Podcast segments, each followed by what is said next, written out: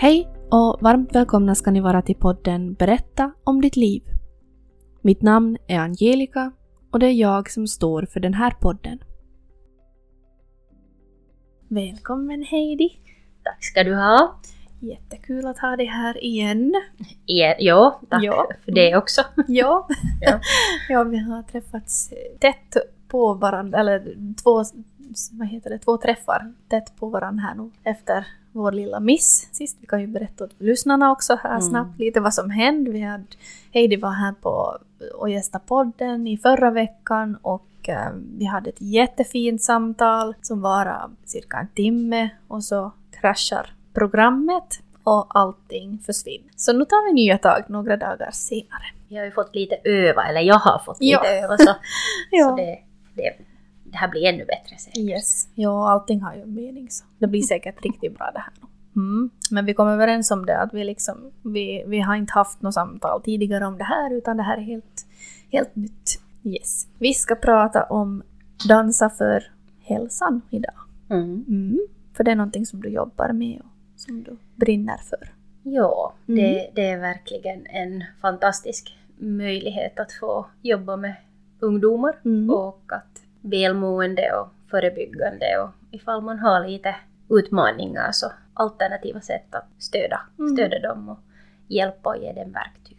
Ja, det är jättebra att det finns. Vill du berätta lite mer om, om vad det är för någonting och var, varifrån har idén kommit och, och så vidare?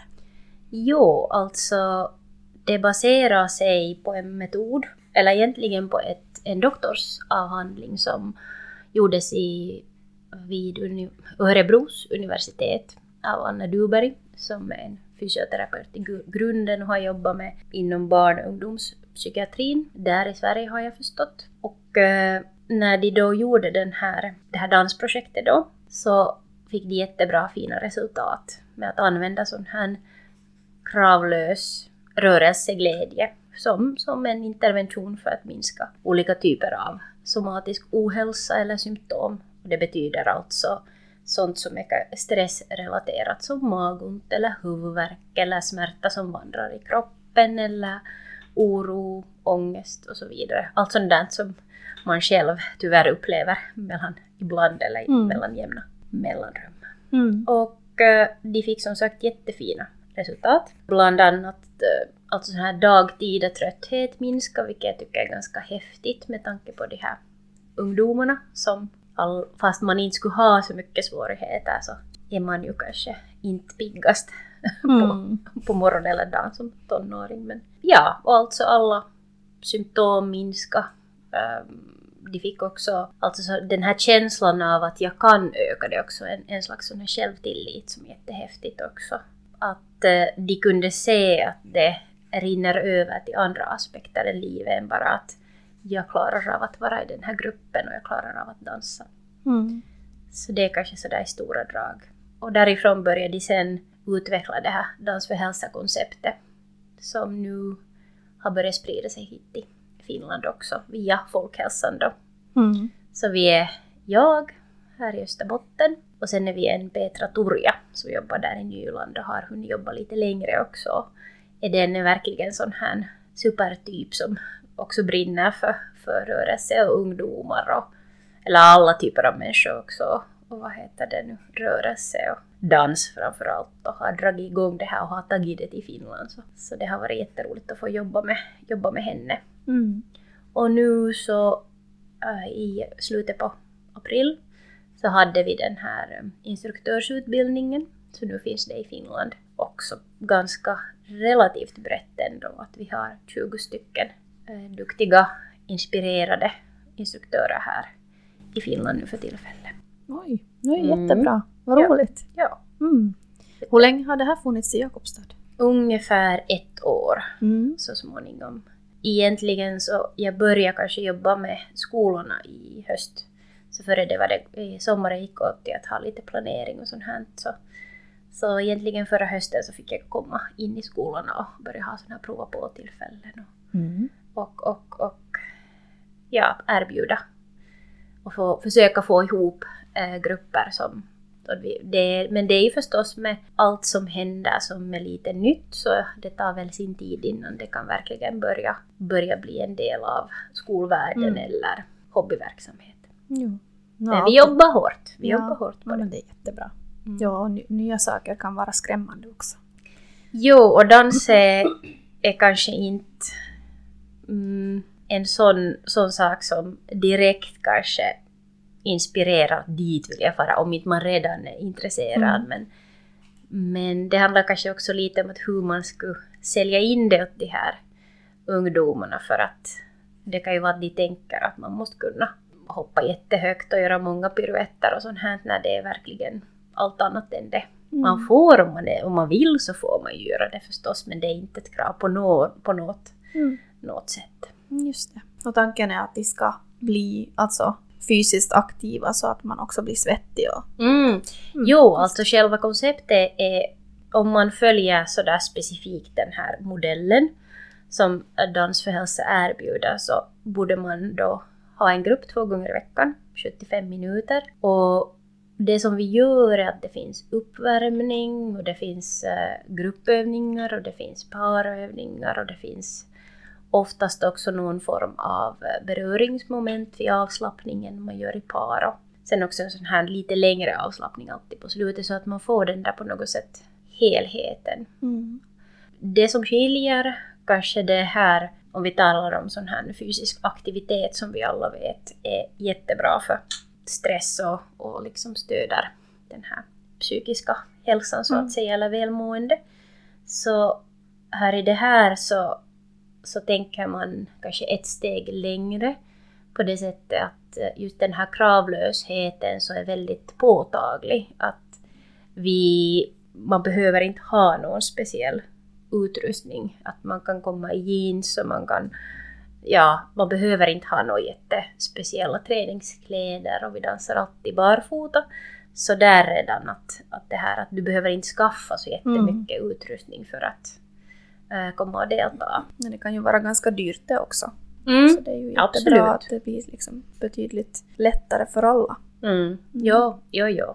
Det är nog en av de där viktigaste sakerna i det här hela konceptet tycker jag. Den här både rörelseglädjen eh, men sen just den här kravlösheten också. Mm. Det är båda så otroligt fina saker. Att man kan erbjuda det åt de där ungdomarna med ganska låg tröskelverksamhet. Jo, och så har vi också just det här att eh, det här socialiserande element att man är att man faktiskt man gör tillsammans och man hittar på rörelser och alla ska göra lika eller att säga hej eller high five liksom att man går i rummet och sådana saker att, att verkligen alla ska bli på något sätt få delta och, och liksom känna att de blir sedda Mm. och, och, och om man får igång sin grupp så är det ju också i den bästa av världar så har man ungdomarna eller barnen med och, och delvis planerar också. Mm. Att, Okej. att där är också att det, det blir att man skapar tillsammans Mm. också.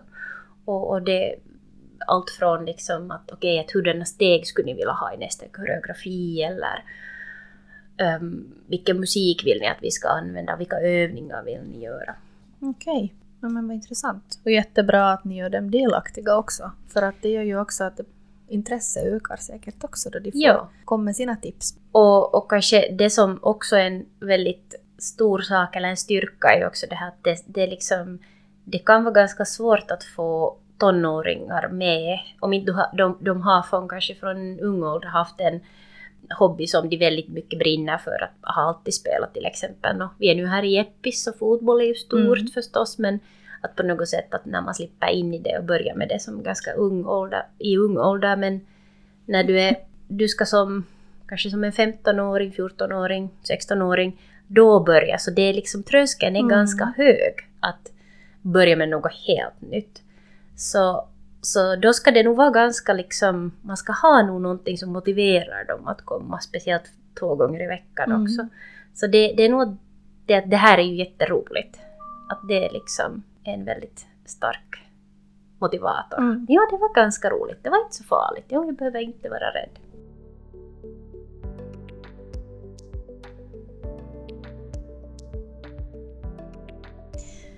Ja, alltså Men du sa att du, ni har det här också för barn, alltså yngre barn. Eller är det bara ungdomar? Mm. Nå i första hand så har vi riktat oss, oss till kanske just högstadier och Mm. andra stadier. Och speciellt alla får dansa. Det är ju inte, inte frågan om det, men just alla sådana här skolhälsoundersökningar och, och de som tillhör till den här målgruppen så oftast är tjejer. Mm. Att därför så ehm, när vi har börjat det här projektet så tänkte vi att vi skulle rikta oss till där var liksom problemen finns enligt statistik Mm. mest, det vill säga just de här tonårstjejerna. Eh, sen är det ju förstås svårt att säga att, att, sådär, att hur många procent hit och dit har fallit bort eller att om inte man har riktigt svarat ärligt och sådär. Men, men det finns nog en viss, det pratas ju nog väldigt mycket om det här. Em, Det sätts väldigt mycket press på, på tjejer känner jag Mm. på något sätt. Då. Är det här...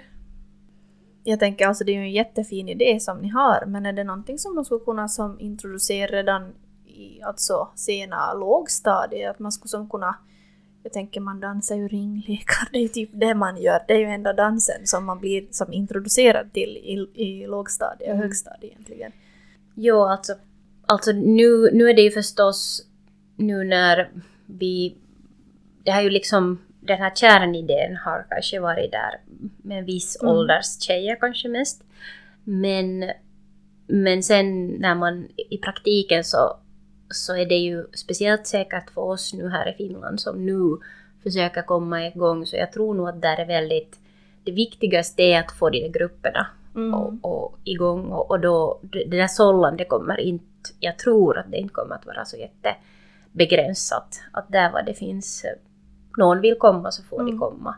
Och, och jag ska på hösten faktiskt så ska jag börja samarbeta med en lågstadieskola här i, här i Jeppis. Så, Okej. så, och att jag menar, de växer ju och de blir ju äldre Mm. att det är ju ett ganska bra verktyg du har om du tänker dig att det är roligt att röra på sig. Att eh, nå, alla människor har ju säkert diverse upplevelser av skoljumpan eller att vara igång och, och röra på sig. Men ganska snabbt så blir den kanske väldigt sådär mm, tävlingsinriktad om man håller på med en hobby. Och så där vi, eller så den feedbacken har jag lite fått när man pratar överlag med människor om Mm. ungdomar och rörelse och vuxna också för Mm. den delen som säger att skoljumpan var det värsta jag visste och det på något sätt sätter en viss prägel upp till, kan, eller kan sätta en viss prägel upp till en Mm. ganska hög ålder också. Att man som, sen som vuxen och jätte, måste liksom nästan börja lite bearbeta att okej, att, nej, men att, att öh, det är helt det skulle vara bra för mig men det är så tråkigt Mm. att röra på sig. Eller, jag, eller att jag kan inte. Mm. Det, det är liksom en väldigt tråkig tanke du har att du, kan inte, du skulle inte kunna röra på dig. Eller att liksom dans skulle inte vara för mig. Eller att gå med i ett sånt där bara jag skulle vilja säga hönsa fotbollslag eller något vad det, korgslag eller vad det nu skulle kunna vara. Men eh, basket heter det på svenska. Mm. Ja, så, så jag, jag tycker också om, det är nu inte riktigt sådär samma sak kanske det som vi pratar om, men, men jag är en jättestor fan av att det ska vara, det behöver inte vara det bästa någonsin, men att åtminstone det att för största delen av oss när vi rör på oss, att det ska vara ganska sådär roligt och givande. Mm. Istället för att det är en bestraffning av något slag. Att nu måste jag.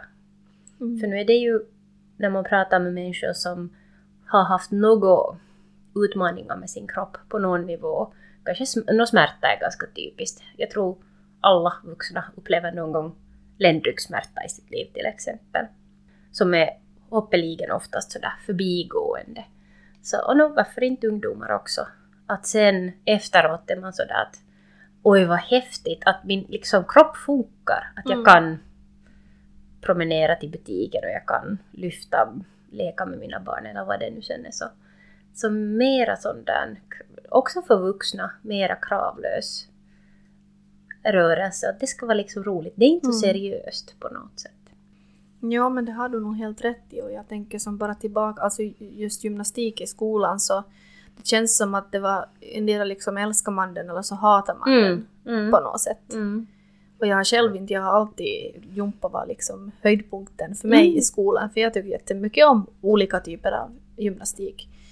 Inte allt förstås, men till exempel skidning. Vi, vi bodde i lilla Ytteressä och vi hade ett, ett spår där då som i, i skogen bakom och det var ju, vi hade skidetävlingar tävlingar på vin, var, varje vinter och, och nej alltså det var någonting som jag hatade och som jag är ledsen över idag i vuxen ålder för att det blev så påtvingat på något sätt som liten. Så även fast jag skulle vilja idag så den där tröskeln är på något vis så hög att faktiskt för att köpa ett par skidor. För jag vet ju att det, det är ju bra med motion. Och det är ju självklart jätteviktigt med gymnastik i skolan för att man ska lära sig att röra på sig. Men hur skulle man göra det på, på ett sätt var det inte blir så prestationsfullt på något sätt? Mm. Att, att, att största delen